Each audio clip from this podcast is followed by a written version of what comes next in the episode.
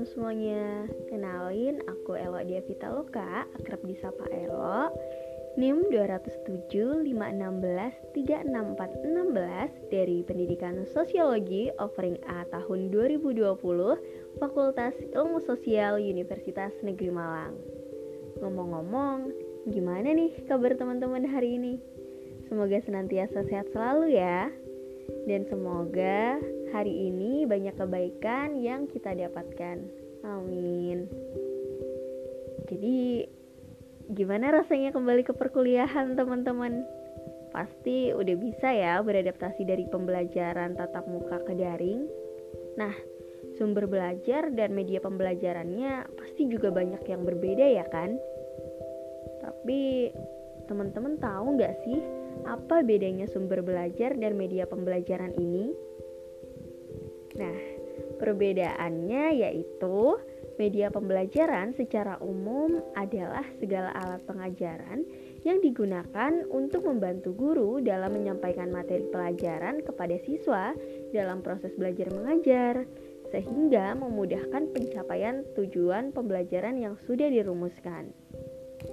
Sedangkan sumber belajar adalah seluruh sumber yang bisa kita gunakan untuk mendapatkan materi atau data dalam rangka proses mencapai tujuan dari pembelajar sendiri, teman-teman. Sumber belajar ini bisa berupa buku, bisa berupa suara, video, dan tenaga pengajar seperti guru, dosen, dan yang lainnya.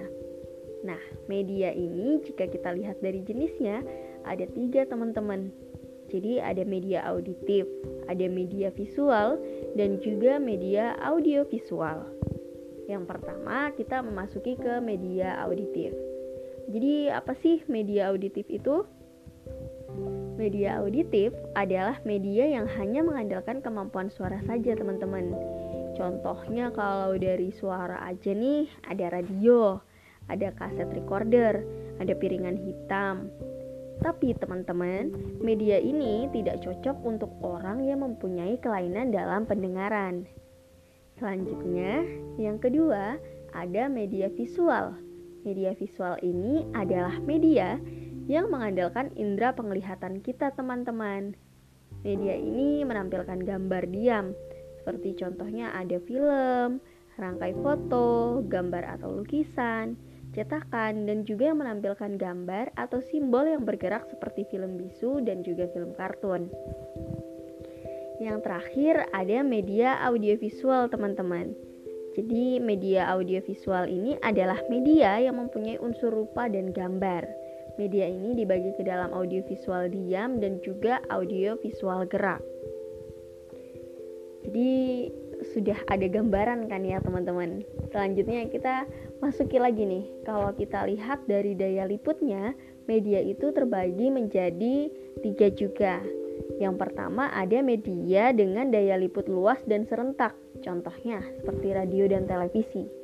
Kemudian, media dengan daya liput terbatas oleh ruang dan tempat, itu contohnya seperti film, sound slide, film rangkai, seperti itu teman-teman. Dan yang terakhir, ada media untuk pengajaran individual. Media ini digunakan hanya untuk seorang diri.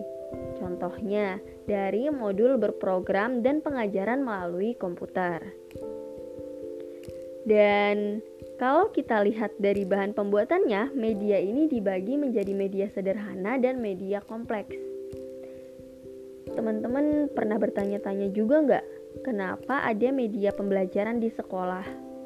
Jadi, media pembelajaran di sekolah digunakan dengan tujuan yaitu untuk memberikan kemudahan kepada peserta didik untuk lebih memahami konsep, prinsip, dan keterampilan tertentu dengan menggunakan media yang paling tepat menurut sifat bahan ajar. Kemudian juga memberikan pengalaman belajar yang berbeda dan bervariasi sehingga lebih merangsang minat dan motivasi peserta didik untuk belajar. Kemudian, menumbuhkan sikap dan keterampilan tertentu dalam teknologi, karena peserta didik tertarik untuk menggunakan atau mengoperasikan media-media tertentu. Selanjutnya, juga menciptakan situasi belajar yang tidak dapat dilupakan oleh peserta didik, dan memperjelas informasi atau pesan pembelajaran, serta meningkatkan kualitas belajar mengajar. dalam menggunakan media pembelajaran di kelas uh, seorang guru itu harus memahami dengan baik prinsip-prinsip pemilihan media pembelajaran teman-teman.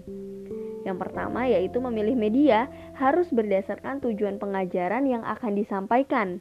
Kemudian yang kedua, memilih media harus disesuaikan dengan tingkat perkembangan peserta didik.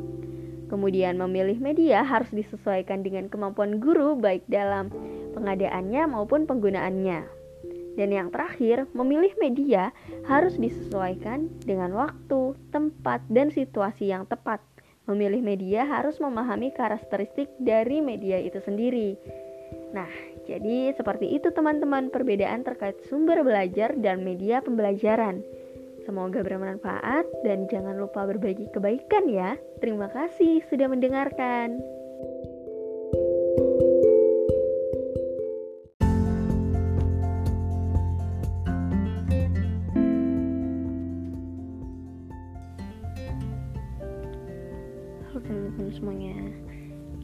Kabarnya hari ini? Semoga senantiasa sehat selalu ya Amin Sebelumnya, kenalin saya Ella dari Pendidikan Sosiologi Offering A tahun 2020 Universitas Negeri Malang Perihal perkuliahan, gimana tugas-tugasnya? Aman atau justru bikin gregetan tuh? Ngomongin tugas, ada banyak banget ternyata ragam pembelajaran yang bisa digunakan guru untuk proses belajar. Nah, yang sering kita jumpai semasa kita sekolah dulu atau nantinya kita berikan kepada siswa saat kita mengajar, di antaranya ada media visual, media audio, dan media audiovisual. Lalu, apa sih pengertian dari ketiga ragam ini? Mari kita jelajahi satu persatu ya. Yang pertama ada media visual. Media visual ini teman-teman suatu alat atau sumber belajar yang di dalamnya berisikan pesan, informasi khususnya materi pelajaran yang disajikan secara menarik dan kreatif serta diterapkan dengan menggunakan indera penglihatan. Jadi, media visual ini tidak dapat digunakan untuk umum, tapi lebih tepatnya media ini digunakan oleh para tunanetra karena media ini hanya dapat digunakan dengan indera penglihatan saja. Macam-macam media visual ini di antaranya ada gambar atau foto yang memiliki fungsi untuk mempermudah guru dalam memberikan pemahaman terhadap peserta didik agar proses belajar mengajar dan tujuannya tercapai. Media visual yang kedua adalah peta. Peta konsep yaitu gambar menjanjikan atau menyampaikan suatu hubungan yang bermakna antar konsep dari suatu pokok-pokok materi tersebut jadi penyajiannya biasanya dihubungkan dengan suatu kata penghubung sehingga membentuk suatu proposisi yang dapat dijabarkan lebih luas mengenai materi tersebut. Peran media visual seperti peta konsep ini digunakan oleh guru untuk mempermudah peserta didik dalam memahami materi dan menarik minat peserta didik untuk berpikir kritis dan aktif dalam belajar serta pembelajaran tidak menjenuhkan.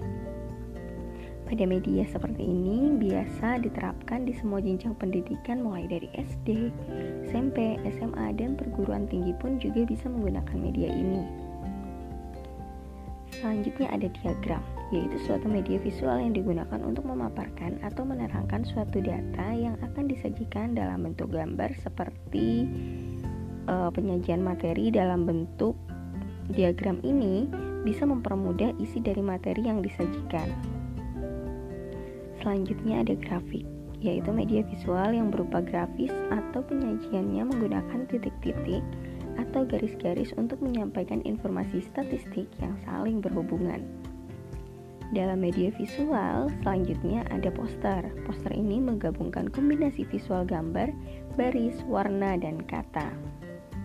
Kemudian ada kartun. Kartun sebagai salah satu bentuk komunikasi grafis yaitu suatu gambar interpretif yang menggunakan simbol-simbol untuk menyampaikan suatu pesan secara cepat dan ringkas.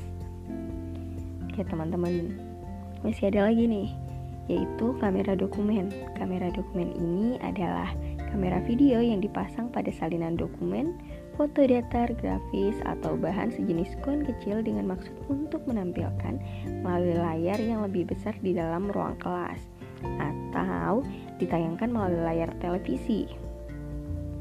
Yang terakhir dalam media visual ada OHP. Apa sih OHP itu?